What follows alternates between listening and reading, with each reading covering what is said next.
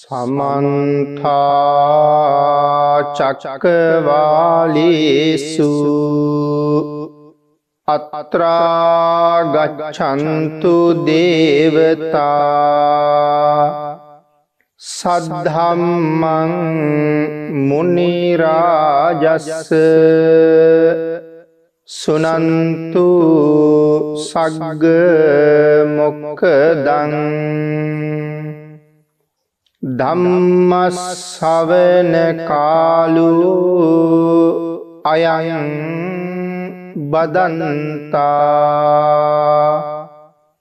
ධම්මස්සවන කාලු අයයන් බදන්තා.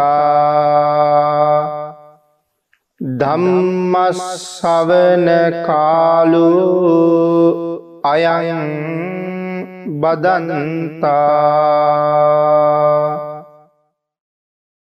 නමෝතස්ස භගවතු අරහතු සබ්බ දම්මේසු අපපටිහතඥානචාරස්ස දස බලධරස්ස චතුවේ සාරජ්‍ය විසාරදස්ස. සබ්බ සත්තුතුත්තමස්ස ධම්මිස්සරස්ස ධම්මරාජස්ස ධම්මස්සාමිස්ස තථාගතස්ස සබ්බඥුනෝ සම්මා සම්බුද්දස්ස නමෝතස්ස භගවතු අරහතු සබ්බ ධම්මේසු අපපටිහතඥානචාරස්ස දස බලධරස්ස චතුවේ සාරජ්‍ය විසාරදස්ස සබ්බ සත්තුතුතමස්ස ධම්මිස්සරස්ස ධම්මරාජස්ස ධම්මස්සාමිස්ස තථාගතස්ස සබ්බඥුනෝ සම්මා සම්බුද්දස්ස. නමෝතස්ස භගවතු අරහතු සබ්බ දම්මේසු අපපටිහතඥානචාරස්ස දස බලධරස්ස චතුවේ සාරජ්‍ය විසාරදස්ස. සබ්බ සත්තුතුතමස්ස ධම්මිස්සරස්ස ධම්මරාජස්ස ධම්මස්සාමිස්ස තථාගතස්ස සබ්බඥුනෝ සම්මා සම්බුද්දස්ස සද්ධර්මශ්‍රාවක කාරුණික ගුණගරුක බෞද්ධ පින්නතුනී බොහෝම ශ්‍රද්ධාවෙන් යුක්තව සියලු දෙනාම සූදානන් වෙන්නේ තිලෝගුරු ශාන්තිනායක සම්මා සම්බුදුරජාණන් වහන්සේ ලෝක සත්වයන් කෙරෙහි අසීමිත දයාවෙන් කරුණාවෙන් මෛත්‍රියෙන් යුක්තව අවබෝධ කරගෙන දේශනා කොට වදාළ පරම ගම්බීර වූ ශ්‍රී සද්ධර්මරත්නයෙන් අබමල් රේනුවකටත් වඩා අඩු. බොහෝම පුංචි කොටසක් දේශනා කරවගෙන ධර්ම ගෞරවය පෙරදැරි කරගෙන දේශනාගත ධර්මය ශ්‍රවණය කරන්නත් එසේ ධර්ම ශ්‍රවණය කිරීමෙන් ලැබෙන අවවාද අනුශාසනා තම තමන්ගේ ජීවිතවලට එකතු කරගෙන වඩාත් නිවැරදි මෙලව ජීවිතයක් සකස් කර ගණ්ඩත්. නිවැරදි වුණ මෙලව ජීවිතයක් තුළින් සුගතිගාමී වූ පරලොව ආයිති භවයකින් සැනසෙන්ඩත් අවසානය ප්‍රාර්ථනා කරන බෝධීන් සැප සහිත ප්‍රතිපදාවෙන් ඉතාම ඉක්මං භවයක උතුම් චතුරාර් සත්‍ය ධර්මය අවබෝධ කරලා මේ සසරින් එතරවීමේ බලාපොරොත්තු ඇතුවයි. පින්නතුනී ඒ උතුම් බලාපොරොත්තු ප්‍රාර්ථනා මුදුන් පත් කර ගැනීම සඳහා උතුම් ධර්ම දානානි සංසයත් ධර්මශ්‍රවනානි සංසයත් ඔබට හේතු වාසනාවේවා කියලා ප්‍රාර්ථනා කරනවා. අද ධර්මදේශනාවේ මාතෘකාව හැටියට මම යොදාගණ්ඩ කල්පනා කළේ විමානවත්තු පාලී මාංජේෂ්ඨක වර්ගයේ සඳහන් වන එක විමාන කතාවක්. මේ විමාන කතාවෙන් අපිට පැහැදිලි කරන කරුණු කීපයක් තියෙනවා. එකක් තමයි බද්ධ වෛරය කොයි තරං බිහිසුණුද යන බව. පින්කමක් කරල නමුත් මිත්‍යාදෘෂ්ටික ප්‍රාර්ථනාවක් කළත් එයත් විපාක දෙන බව. සම්මාධිට්්‍යය මිත්‍යාදෘෂ්ටිය හඳුනගෙන නිවැරදි ප්‍රාර්ථනාවක් කරලා සසර මග සුවපත් කරගන්නවා මිසක් වැරදි ප්‍රාර්ථනාවල්වලින් සංසාරය අතරමං නොවෙන්ඩ මෙවන් තැන්වලින් අපි කරුණු ඉගෙන ගණ්ඩුවන. මේ ආදී කරුණු කීපයක් මේ විමාන කතාවෙන් අපිට පැහැදිලි කරගන්න පුළුවන්. මේ විමාන කතාව හඳුන්වලා තියෙන්නේ රජ්ජුමාලා විමාන වස්තුව කියලා. අපේ බුදුරජාණන් වහන්සේ සැවැත්නුවර ජේතවනාරාමි වැඩඉන්න කාලි. මේ දඹදිව තිබුණා ගයා කියල ගමක්. මේ ගමේ හිටිය තරමක් අප්‍රසිද්ධ බ්‍රාහ්මණ පවුලක්. ඒ පවුල හිටිය දුවනි කෙනෙක්. තරුණ වයසට ආවට පස්සේ මේ දුව ඒ ගමේම තවත් බ්‍රාහ්මණ ගෙදරක තරුණ පුතෙකුට විවාහ කරල දුන්නා. ඇයි විවාහ වෙලා ගියපු බමුණු ගෙදර අයත් හොඳට යමක්කම තිබුණ අය දුකක් නැතු අඩු පාඩුවක් නැතු ආහාර පානාදිය සපයගෙන ජීවත්වෙන්න පුළුවන්. ඒ නිසා ඇය බොහොම සතුටින් තමයි ඒ ගෙදර හිටිය. හැබැයි බමුණු ගෙදර දාසියකට හිටිය ඒත් පොඩි දුවක්. ඇය වයිසින් බොහොම ලාබාලයි. නමුත් මේ බමුණු ගෙදරට අලුතෙන් විවාහ වෙලා ආපු තරුණිය අර දැරිය දැක්ක ගමම්ම කෝපාවිෂ්ට වෙනවා. පුද්දුම අමනාපයක් තමයි ඇය සම්බන්ධයෙන් මැගේ හිතේ ඇතිවෙන්නේ. එ හැරියට දොස් කියනවා. ගහන්ඩ හදනවා. බය කරනවා. මේවාගේ තාඩන පීඩන ගොඩක්. මෙහෙම කල් ගෙවෙනකොට අර කුඩා දැරිය වැඩිවියට පත්වෙලා තරුණයක් බවට පත් වනා. දොළොස් පහළොස් සොලොස් වයසට එනකොට. අර බමුණු ගෙදර ලේලි මෙ බද්‍ර යව්වන වයස පහුවෙන මෙ තරුණ දියණියට අතින් පයින් හරියට පහර දෙනවා. වැලමිටෙන් අනිනවා. දනහිසෙන් ගහනවා. ඇගේ තිබුණ දිග කෙස් කළඹක්. ඇයට පහර දෙන වෙලාවට බොහෝ වෙලාවට මේ කෙස් කලමින් තමයි අල්ලගන්න. එහෙම අල්ලගෙන ඇද ඇද බිම දාගෙන දන හිසෙන් වැලමිටෙන් පහර දෙනවා. මේ ලාබාල තරුණියට මේ වදහිංසා විඳල විඳල ඇති වෙලා හිටියේ. ජීවිතෙත් එපාවෙන තරමට ඇය කල කිරෙල හිටියේ.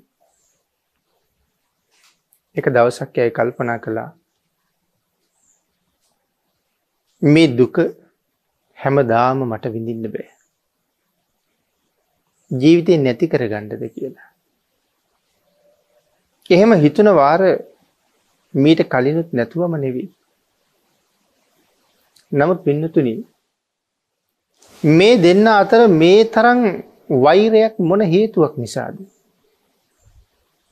අපේ භාගිතන් වහන්සේ ඒ කාරණාවත් දේශනා කරලා තියෙනවා. අපේ බුද්ධාන්තරයට කලින් බුද්ධාන්තරී. කාශ්‍යප භාගිතුන් වහන්සගේ කාලි.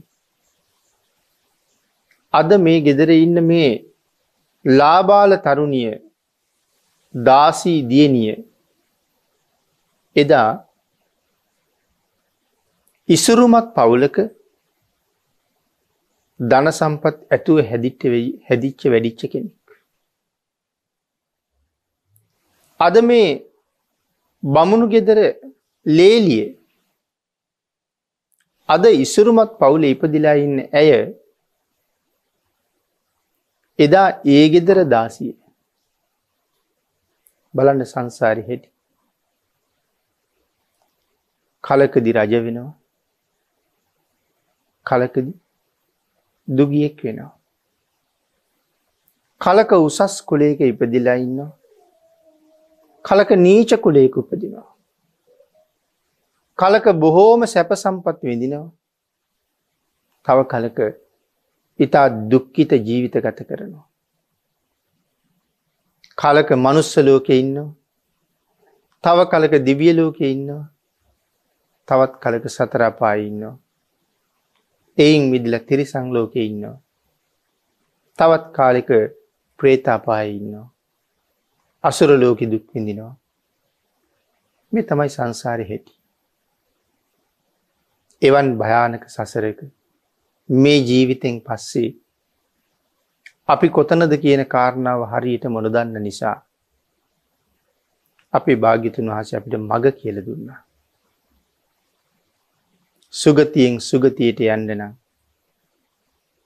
මෙන් මේ ප්‍රතිපදාව අනුම අනුගමනය කරන්න කියලා. අපේ භාගිතුන් වහස දේශනා කරපු උතුම් ශ්‍රී සද්ධර්මය දෙව්ලොවට නගින දිව්‍ය සෝපානයක් වගේ. සදාකාලික සුවය හොයාගෙන යන්න තියෙන හැබෑම මාවත. භාගිතුන් වහස දේශනා කළා හැම කෙනෙක්ම මේ ධර්ම මාර්ගයේ ගමන් කරන්න. සසර භයානකයි. මේ මාර්ගයේ ගමන් කරන ඔබට ආරක්ෂාවක් තියෙනවා. ලටුකි කෝපම සූත්‍ර දේශනාවෙන් භාගිතුන් වහසේ පුදුම කරුණක් පැහැදිලි කලාන්නේ. මේ සූත්‍ර දේශනාව සඳහන් කළේ පියාගේ ගොදුරු භූමියයේ හැසිරෙන හැම කෙනෙක්ම ආරක්ෂා සහිතයි කියලා. ඒ ගොදුරු භූමියෙන් ඉවතට පියෑඹුවත්.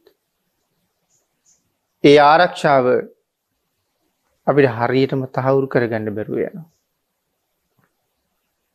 ඒක වෙනම කාරණාවක්. නමුත් පින්නතුන මේ සංසාරය හැටි මේ අපි මේ ජීවිතයේ තේරුම් ගත්ත නැත්තම් කොයි කාලි තේරුම් ගණ්ඩ වෙයිද. මේක අද තේරුම් නොගත්ත නිසා සතර අපායක වැටුණු. අය කවද නිදහස් වෙලා ඇවිල්ලා මේ ගැන හිතන්නද. සමහර තැනකනං සඳහන් කරනවා. සතර අපාය ඉන්න අයි හිතනවලු. මෙයින් මිදිල මනුස්ස ලෝකෙක යන්ඩ ලැබුණොත්. පස් පව් දසාකුසල් පිළිබඳව කරන්න නතිය හිතන්නේවත් නෑ කියලා. කුසල් හැර වෙන මුකුත් කරන්නේ නෑ කියලා. පින්නතුන මේ ඉන්න පිරිසෙන් වැඩි පිරිසක් ඔබත් මමත් ඇතුළුව කලක් එහෙම හිතපු අය. නමුත් කෝ අද එදා විඳපු දුක. එදා හිතුන හැටි අද මතක නැති හින්දා. අපි මෙහාට ආවි මොකටද? මේ ලෝකට ආවි මොකටද? ආගේ කාරණාව හරියටම හිතල බලන්ඩුවනේ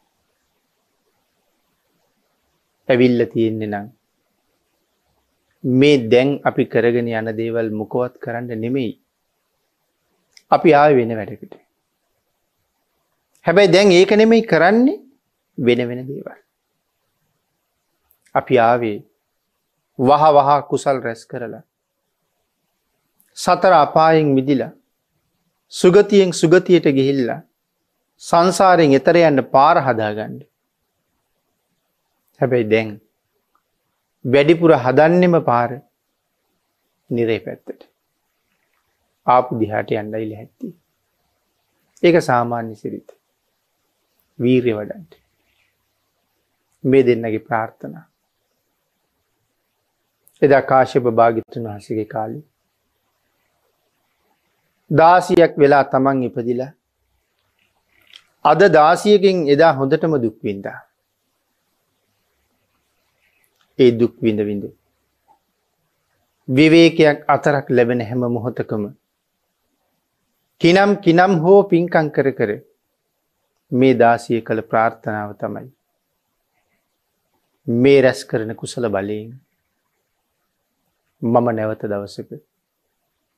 මේ මනුෂ්‍යාත්ම භාව උසස් කුලේක ඉපදෙන්ට ඕනේ. මට අද මේ තරම් වද දෙන මගේ ස්වාමිදියනිය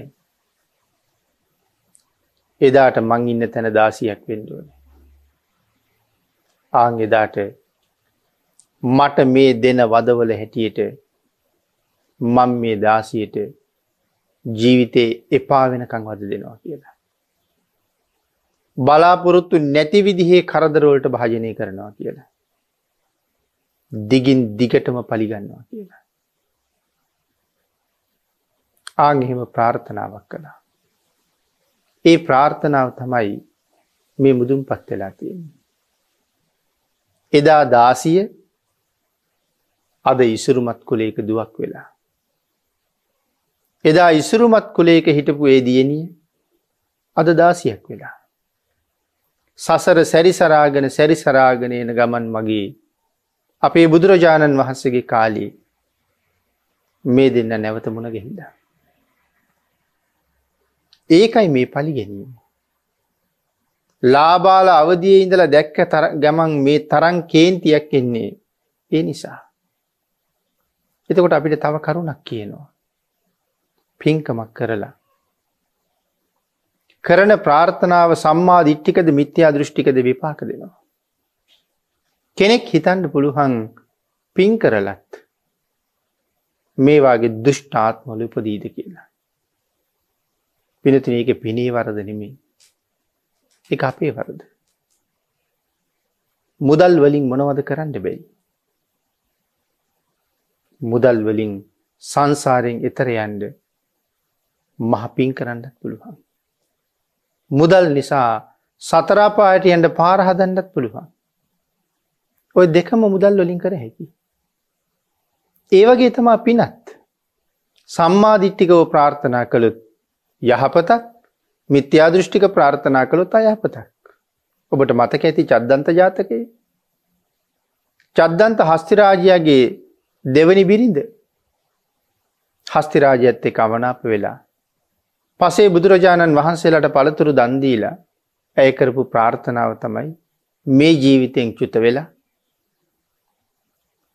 මදුරට රජ්ජුරුවන්ගේ දුව වෙලා ඉපදිලා රාජකුමාරිකාව තව රජෙක් එක්ක විවාහ වෙලා ඒ රජ්ජිරුවන්ගේ හිත දිනාගෙන රජු පොළඹවාගෙන මේ ඇත් රජු මරණ වැඩ පිළිවෙලකට යන්ටුන කියලා. ඉතින් ඇය පැතු විදිහටම මදුරට රජ්ජුරුවන්ගේ දුව වෙලා ඉපදිලා විවාහ වෙලා ඒ රජ්ජුරුව ලව්වා බැදිපුත්‍රය කියවලා චද්දන්ත හස්ති රාජය මැරෙව්වා. බද්ධ වෛරේ සංසාරි කොයි තරන්නම් භයානකද. ඒමනම් පින්නතුනී මේ තියෙන්නෙත් ඒ බද්ධ වෛරේම තමා. ඒ වෛරයේ පිරිමහ ගණ්ඩ ඇය යොදාගත්ත මාධ්‍ය සම්පූර්ණ කරගන්න ඇය පින් කරලයි ප්‍රාර්ථනා කළේ. බද්ධ වෛරයේ හරි භයානකයි. හාලියක්ෂණයගේ කතාව හිතල බලන්ට. අපේ ශාසනත් කීප දෙනෙක් හිටිය එල දෙනක් කෙනල මැරිච්චේ. රහතන් වහන්සේ නමක් හිටිය එල දෙනක් කෙනල පිරිනිවම් පෑවා. දරුචීරිය මහරහතන් වහන්සේ. අනාගාමින් වහස නමක් හිටිය පුක්කු සාති මහරජ්ජුරු. මේ ආදි වශයෙන් කෞුද මේල දෙන වෙලායින්. මේ හතර දෙනාගෙන් සසර කරදර වෙච්ච තැනැත්තියක්. යක්ෂණයක් එදා මරණ වෙලාවේ ඇය කරපු ප්‍රාර්ථනාව තමයි උප උපන් ජාතිය මරණවා කියලා. යක්ෂණිය එල දෙනෙකුගේ වෙස් අරගෙන ඇවිල්ල පහර දෙනවා. නමුත් භයානකකම. අන්තිම ආත්මට එනකොට තමන් විසින් මරණයට පත් කරන්නේ මහරහතන් වහන්සේනම. ගෞතම සම්මා සම්බුද්ධ ශාසනයේ කෙටිම කාලයකින් පහසුම ආකාරයෙන් සැප සහිත ප්‍රතිපදාවෙන් අර්හත්වය ලබාගත්ත රහතන් වහන්ස. ධර්චීරී මහරහතන් වහන්ස. අනාගාමින් වහන්සේ නම සෝවාන් වහන්සේ නම ගහතනය කරලා මේ කතා කරන මොහොතේ අවිචී දුක්විදිනවා. නමුත් රහතන් වහන්සේ පිරිනිවම් පෑවා. අනාගාමින් වහසේ බඹලව ඉපදුනා. සෝවාන් වහසේ දෙව්ලව ගියා විතරක් නෙමෙයි පෘතජ්ජන එක්කනයි තම්බදාටික චෝර ඔහුත් දෙව්ලෝගයා සැරියුත් මහරහතන් වහසට දන්දීට. ඇය නිරේට ගියා මොවුන් සුගතියට ගියා රහතන් වාසි පිරිනිවක් පෑවා. බද්ධ වෛරය මොන තරං සසර අපි ඇතර මං කරනවාද. පින්නතුනි ඔබ හිතල බලන්ඩකු. ඔබාතින් මෙහෙම දේවල් වෙලා නැද්ද කියලා. මෙතරම් භයානකයි. අපටම වල කැපෙනවා. අපේ ජීවිත කාලේ අපි ඇතින් මෙහෙම ප්‍රකාශ වෙලා තියෙන පුළුවන්. ඈතට අතීතයට හිතැන්ඩුවන්න. කේන්තිය පලි ගැනීම වැඩිහින්දා අපිත් කියල ඇති. කවද හරි පලිගන්නවා කියලා. ඉතින් කවද හරි පලිගන්නවා කියල කියහම මේ ජීවිතෙන් බැරිවුණු ඊළඟාත්මක හරි පලිගන්න. ඔය පැරණි ගැමියෝ කියන්න සමහරය වැලි හුළඟ යවනවා. සමහරය දේවාලෝල ගිහිල්ල ගම්මිරිස් සම්බරනවා. නොෙක් ආකාරී දේශ සිතින් යුක්තව සාප කර කරේ වැඩ කර කවදහරි විපාක දෙන්න පුළුවන්. ඒකට තියෙන ඉඩ කඩ ඉතාම වැඩි ගෙවල් දොරවල්ලුල්. ඔය නැන්දම්මලා ලේලිලා අතර තියෙන ගැටුම් අතරි මේවාගේ දේවල් ඕන තරන් කිය වෙනවා. සමහරයි කියන්නේ නයික් පොළඟෙක් වෙලා හරි ඇවිල්ල කනවා කියල. පිනති ඒ බද්ධ වෛරයේ තරම් භයානකයි. මේ ඒවට උදාහරණ තියෙන. ඉතින් එදා දාසිය අද බ්‍රාහ්මණ පවුල ඉපදිලා එදා ස්වාමිදීනයගෙන් මේ පලිගන්නවා. ඉතින් කෙස් වැටියෙන් ඇද ඇද ගහන්න. ඒ හින්දා බේරෙන්න්නම බැරිහින්ද දවසක් කල්පනා කලා කෙස්ටික කපනවා කියලා. කාන්තාවක් වරලසට කොච්චර කැමතිද. නිරෝගීව දිගට වවාගණ්ඩ කොච්චර මහන්සි වෙනවද. ඇයත් ඇගේ දිග කෙස් කළඹට හරි කැමති. නමුත් අද මේ කෙස් කළඹ තමන්ට වද දෙන්න හේතුවක් වෙලා. ඒ කරණවැමි කෙස් කපන තැනට ගිහිල්ලා කෙස් වැඩිය කපා ගත්තා. කපාගෙන ගෙදරෙනකොට අර ස්වාමිදී දවාහනවා. උඹ හිතුවද කෙස් කැපුව කියල උඹ නිර්දෝෂයි කියලා. ඇය ලනුවක් ගෙනල්ලා ඔළුවට හිර කරලා ලනුව බඳිනවා. එතනදල ඒ ලනුවෙන් ඇද ඇද ගහන ලනු ඔලුව බැඳල තියෙන එක ලෙහන්ඩ දෙන්නේ රෑ දවල් බැඳගෙන ඉන්නේ. ඉතින් ලනු කෑල්ල දිගට එල්ලෙනවා. ඉස්සරහට නැමෙනකොට කෑම කනකොට පිඟානි පවා වැටෙනවා. මහා වදයක් ඇයි එල්ලෙන ලනුකොට අරන් ගෙල වටේ බැඳගත්තා. දැම් බෙල්ල වටේට මාලයක් වෙනට ඇයට තියෙන ලනු පොට ගමේ මිනිස්සු පස්සෙ කාලී ඇයට නමක් හැදුව රජ්ජු මාලා කියලා. රජ්ජු මාලා එක දවස. මේ වද හිංසා ඉවසන්ඩ බැරිම තැන තීරණය කලා ගෙල වෙලදා ගන්නවා කියලා. ඇයුදේ පාන්දරම දියගේන්ට යන ස්වභාවයෙන් කළගෙදී අරගෙන තොටු පොලට යනවා. මගදි කලේ පසික විසි කරලා ඇයි කැලේට ඇතුළුණා. තිලෝගුරු සම්මා සම්බුදුරජාණන් වහන්සේ. එදා උදේ පාන්දර සමාධිසුවයට සමවැදිලා සමාධීෙන් අවදි වෙලා. මහා කරුණා සමාපත්තියෙන් ලෝක දහතුව බලා වදාරණ වෙලාව. එදා කරුණා නිතට දැක්කේ රජ්ජුමාලා. භාගිතුන් වහසේ මුණ ගැහුණුත් රජ්ජුමාලට සිද්ධ වෙන විශේෂත්වයමකක්ද. රජ්ජුමාලට සෝවාන් වෙන්න තරන් හේතු සම්පත්තියනවා. අපේ භාගිතුන් වහන්සේ සුදුසු වෙලාවේ හැඳ පුරුවගෙන මේ කැලෑ ප්‍රදේශයට වැඩම කරලා විවේකිව ගහක්මල වැඩ හිටිය උදේකාලි. රජ්ජු මාලා භාගිතුන් වහස වැඩඉන්නවා දැක්කෙ නැහැ නුදුරු තැනකට ගිහිල්ලා පේන නොපෙනෙන තැනකට ගිහිල්ල. තමන්ගේ හිසේ තිබ ලනුව ලෙහුවා ගෙදරදි ලෙහුවන ගුටි කණ්ඩ තිබුණ නමුත් දැන් කවුරුවත් පේට නෑ ලනුව ලෙහෙලා ඒකෙන් හොඳ තොන්ඩුවක් හැදවා. ඉතාම පහසුවෙන් හිරවෙන්න ගැටයක් සහිත තොන්ඩුව. ඇය ලනුවාත්තක ගැට ගහල. තොන්ඩුව කරට දාගෙන ජීවිතය නැති කරගණ්ඩ හිතලා. මේ කැලෑව ඉන්න කිනම් හෝ කෙනෙක් මේ වැඩේ දැකලා මම ළඟට දුවගෙන ඇවිල්ලා මගේ මරණය වලක් වයිදූ කියල හිටුවා. ඒ කියන්නේ ඒක කාගෙන්වත් වලක්වා ගණ්ඩ ඕන නිසා නෙමෙයි. කවුරු හරි මාව මරණයෙන් බේරලා ආයෙත් අර ගෙදරට ගෙනහිල්ල දුන්නොත් නැවත අර දුකමං විඳින්ට වෙනවන්නේ. එයින්ද මට ඕනි මැරෙන්ඩමයි බේරගන්න කෙනෙක් පේනතෙක් මානෙක නැති එක හොඳයි ඒකයි මේ බලන්න. ආං එහෙම වටපිට බලාගෙන බලාගෙන යනකොට හැ දැක්කා ෂඩ්වර්ණ රශ්මි මාලාවින් බැබලි බැබලි අපේ බුදුරජාණන් වහස වැඩ ඉන්නවා. දෑස අදහගන්න බැරුව ගියා. හදවත ප්‍රීතියෙන් පිනා ගියා. ඒ මොහොතේ බුදුරජාණන් වහන්සේ රජ්ජුමාලට කතා කළා. ජීවිතය අහපු මිහිරිම වචනේ. සවන් දෙක අමුෘර්තයෙන් පිරිලගියා වගේ. රජ්ජුමාලා තොන්ඩුව බෙල්ලෙන් අයින් කරගත්තා. බුදුරජාණන් වහන්සේ ළඟට ගිහිල්ල. වැඳ වැටුණා. රජ්ජුමාලට ආශිර්වාද කරලා අපේ භාගිතුන් වහන්සේ. රජ්ජුමලට ධර්ම දේශනා කළා. දේශනාව අවසානී දහසක් නයින් ප්‍රතිමණ්ඩිත වුණ. අති උතුම් සෝවා නාර්ය මාර්ග පලේ ලබාගන්න. ඇයට වාසනාව තිබුණ.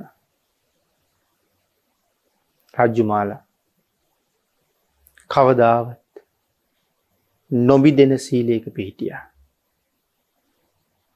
රජ්ජුමාලා නැවත සංසාරය කවර කවම දාකවත් සතර අපායට නොයන තැනිත්තියක් බවට පත් වුණා. සංසාරය තමන් කරගත්ත සතරාර්පායට යන්න තියෙන සියලුම අකුසල් අද භාග්‍යතුන් වහන්සේ ළඟ පුච්චලාලු කරල දෙම්ම. රජ්ජුමර කල්පනා කළා මම ආය කවදාවත් මගේ ස්වාමිදීනිය සමගමනාපයක් ඇති කරගන්නේ. ඇත් ඇය මට මොන තරං කරදර කළ ඇය මට මොන තරං තාඩන පීඩන කළත්. මං වෛරී සිතින් ඇය දිහා කවදාවත්ම බලන්නේ. ඇය සම්බන්ධයෙන් ඇ පුදුම මෛත්‍රී සිතක් පිහිටව ගත්තා.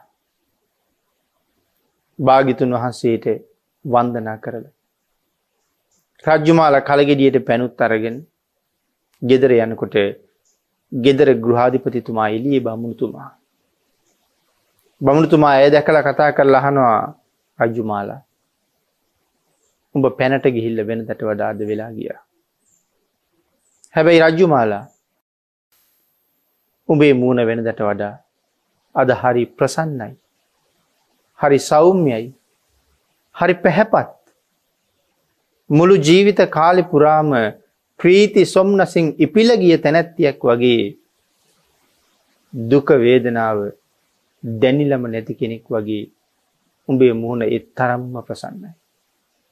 මොකක්ද මේකට හේතුව කියලා. රජ්ජුමාල සඳහන් කළා භාගිතුන් වහස මුණ ගෙහිච්ච හැටි. තමන් කරගණ්ඩ ගීපුද්දී තමන්ගේ වෙනසට හේතු. බ්‍රාහ්මණතුමා වහාම ගෙට ගිය. ලේලියට කතා කළා. නැවත කවදාවත් රජ්ජුමාලට හිංසා කරන්න පීඩා කරන්න එපා. ඔබේකට සුදුසු නැහැ කියල සඳහන් කළා. එහෙම ඇවිල්ල බුදුරජාණන් වහන්සේ කොතනද වැඩඉන්න කියලා හලා හොයාගෙන හොයාගෙන තෙන්ට ගිහිල්ල වැඳලා ආරාධනා කලා ස්වාමීණී ළඟ පාතට වැඩපියකි අපේ ගෙදරින් දවල්ට දානි ටිකක් වලඳන්න කියලා. ආරාධනාව පිළියරගෙන බුදුරජාණන් වහස දානට වැඩිය බ්‍රාහ්මණතුමා දානි පූජ කලා දං වලඳලා ඉවර වෙලා භාගිතුන් වහස පාත්තරයේ පසක තැබුවට පස්සේ බ්‍රාහ්මණයත් බ්‍රාහ්මණයගේ ලේලියත් පවුලි අනික් අයත් බුදුරජාණන් වහසට වන්දන කළා. අද භාගිතුන් වහසේ මේ ගෙදර වැඩඉන්නවා කියලා ආරංචි වෙලා ගමේ තවත් බමුණුවරු සිටුවරු ගොවියන් ඇතුළු තව බොහෝ දෙනා ඒ ගෙදරටාවා. හැමෝම භාගිතුන් වහසට වැඳගත්තා. ඒ සියලු දෙනාටම වාගිතුන් වහස ධර්ම දේශනා කළා. රජ්ජු මාලගේ ගෙදර ලේලියගේ යමනාපේ හේතුවත් භාගිතුන් වහස දේශනා කළා. ආදීනවත් දේශනා කළා. පිනතින මේ වෙනකොටත් රජ්ජුමාල සෝවාන් වෙලා. ලේලියත් සිටුවරයත් ආගිය පිරිසේ බොහෝ දෙනෙකුත් එදා මනාව තිසරණී පිහිටිය. රජ්ජුමාලත් බ්‍රාහ්මණ ලේලියත් එදාගෙන් පස්සේ හරි සතුටින් කාලය ගත කළා. අපි දෙන්න අතර පෙර මෙහෙම අමනාපයක් තිබුණද කියන හේතුවක්වත් නෑ. මතකයක්වත් නෑ වගේ. කලක් ජීවත් වෙලා රජ්ජුමාල මරණයට පත් වෙලා නින්දෙන් පිබිඩියා වගේ කෞතිසාවි උපත්තිය ලැබවා. පරිවාර දිව්‍යාංගනාවන් දහසක් ඇයට ඉන්නවා. ඉතාම සුන්දර රූපයක්. මහමුගලන් මහරහතන් වහන්සේ. දිව්‍ය ලෝක චාරිකාය වඩින එක අවස්ථාවක. නන්දන උයන ළඟින් වඩිනකොට රජ්ජුමාලා දිව්‍යාංගනාව දෙක්කා. මහරහතන් වහන්සේ අතර වෙලා.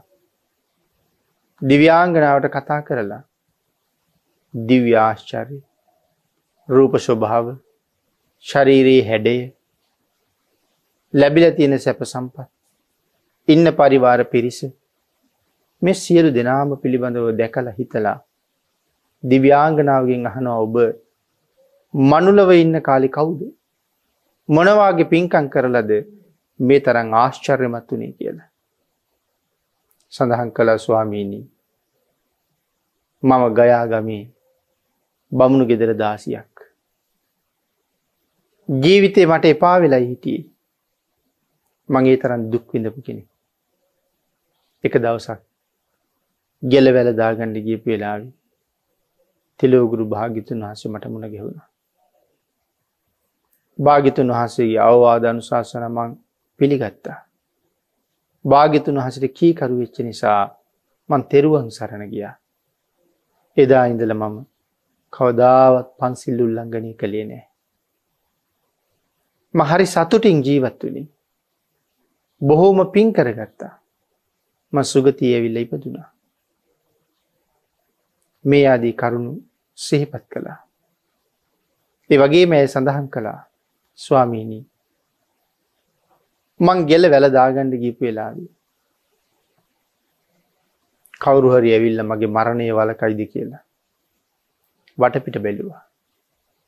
ඒ වටපිට බලන වෙලාව. මට දකිින්ට ලැබුණ.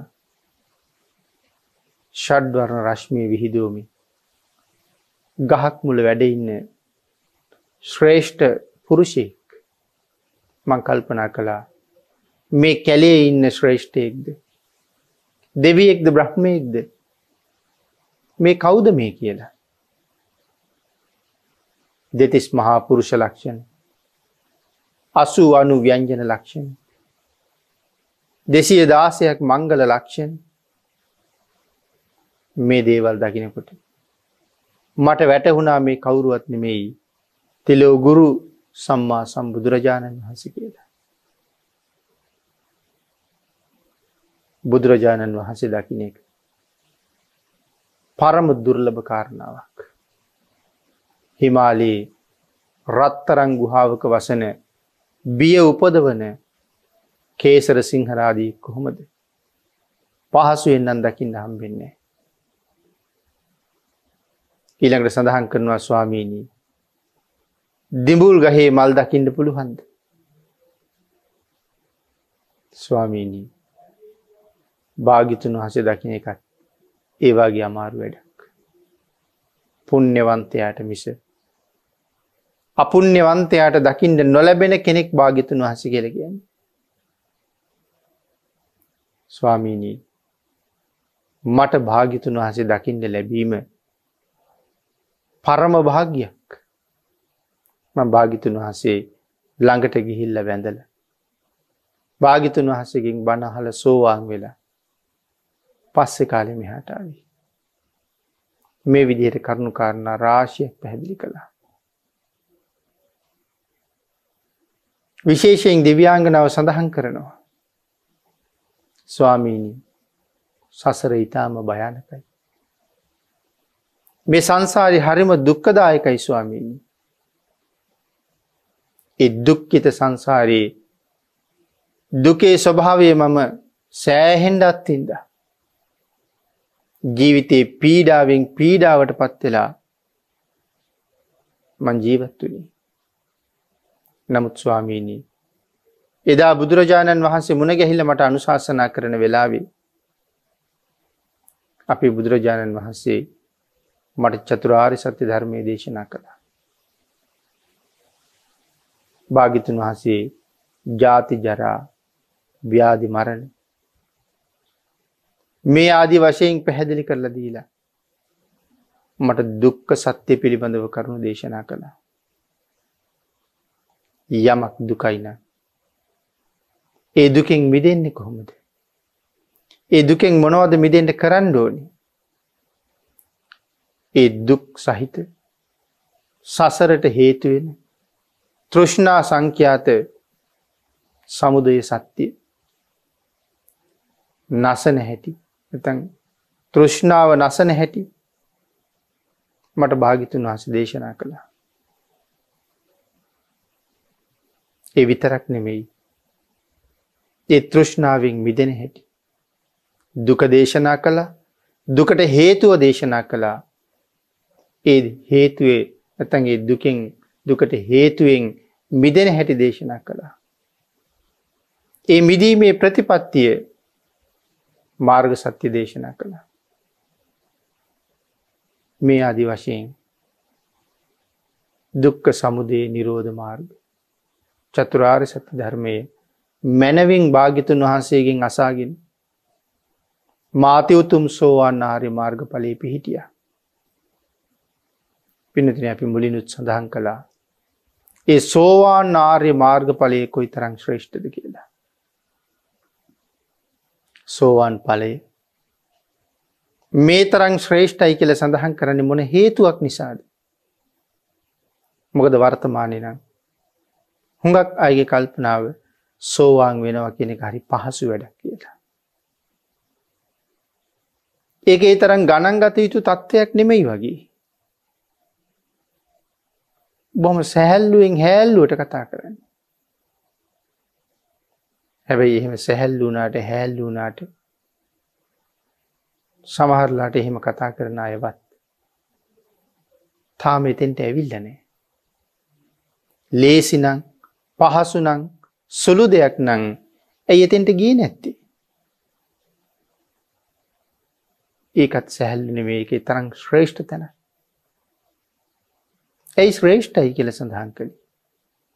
කෙනෙක් සෝවාන් වනාට පස්සේ අනව රාග්‍ර සංසාරයේ නිමක් නැතුව තෙරක් පරක් නැතුව යන්ඩ තියෙන ගමන ආත්ම හතකට නතර කරනවානි ආත්ම හතකට සීමා කරනවා.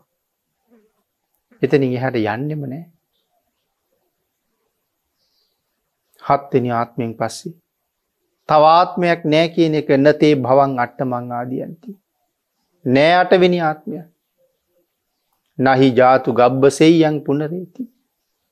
නැවත ගබකට නොෙන්ඩයි. කටයුතු කරන්න. ආත්ම හතකින් පස්සේ ආය ගැබකට යන්නේ.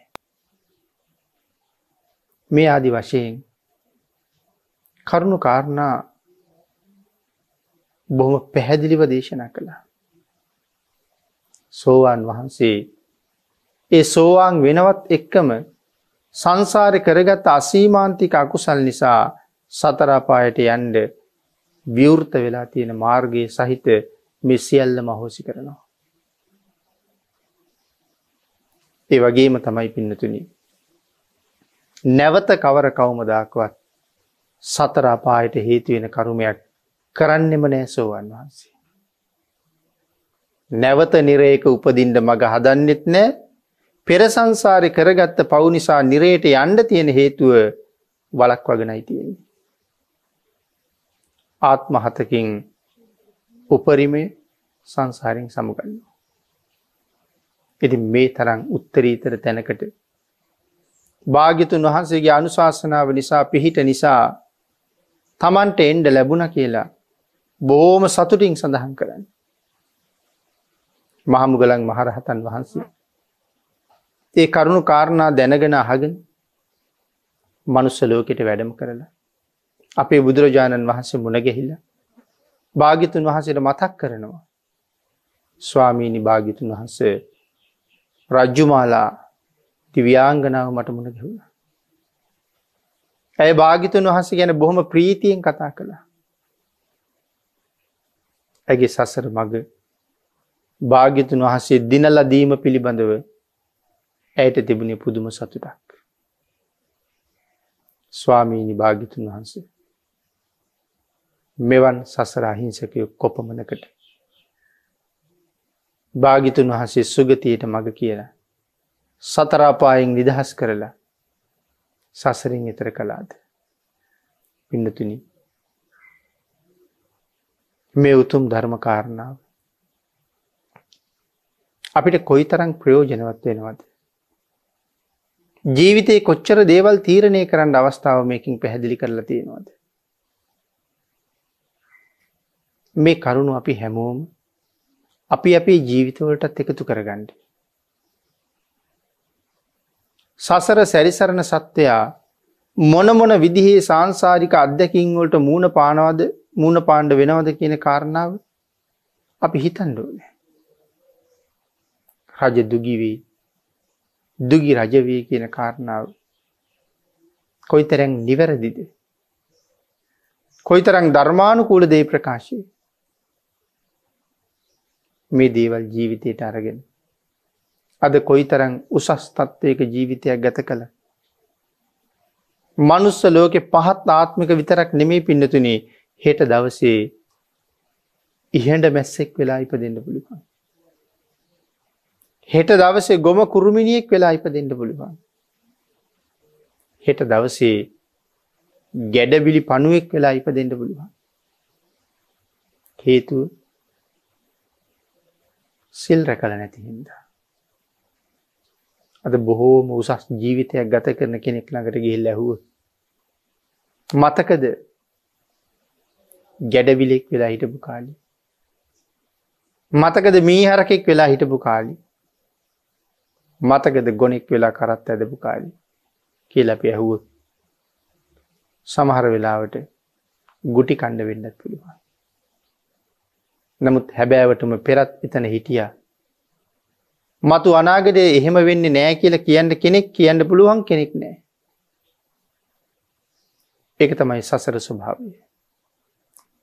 ආංගේ සංසාරික ස්වභාවයෙන් අතමි දෙෙන්ට. වහ වහා කුසල් රැස් කරගණ්ඩ. සතරපායෙන් මිදෙන්ඩ. සුගතියෙන් සුගතියට යන්ඩ මග බුදුරජාණන් වහන්සේ ඉතාම පැහැදිලිව අපිට දේශනා කළා. තිසරණයි පන්සිලුයි අත්‍යවශ්‍යයි. මේ තිසරණ පන්සිල් තමයි අපි සුගතියට ගෙනියන්. සෝවාන් වහන්සේ ඒ කාන්තයෙන් සතරපායෙන් විදිල නමුත් පින්නතුනේ පෘතජ්ජන අපි සෝවාන් වුණේ නැත්තන් සතරපායෙන් විදෙන්ට තියෙන එකම ක්‍රමේ තමයි තිසරණ සහිතව පන්සිල් ආරක්ෂා කරන එක.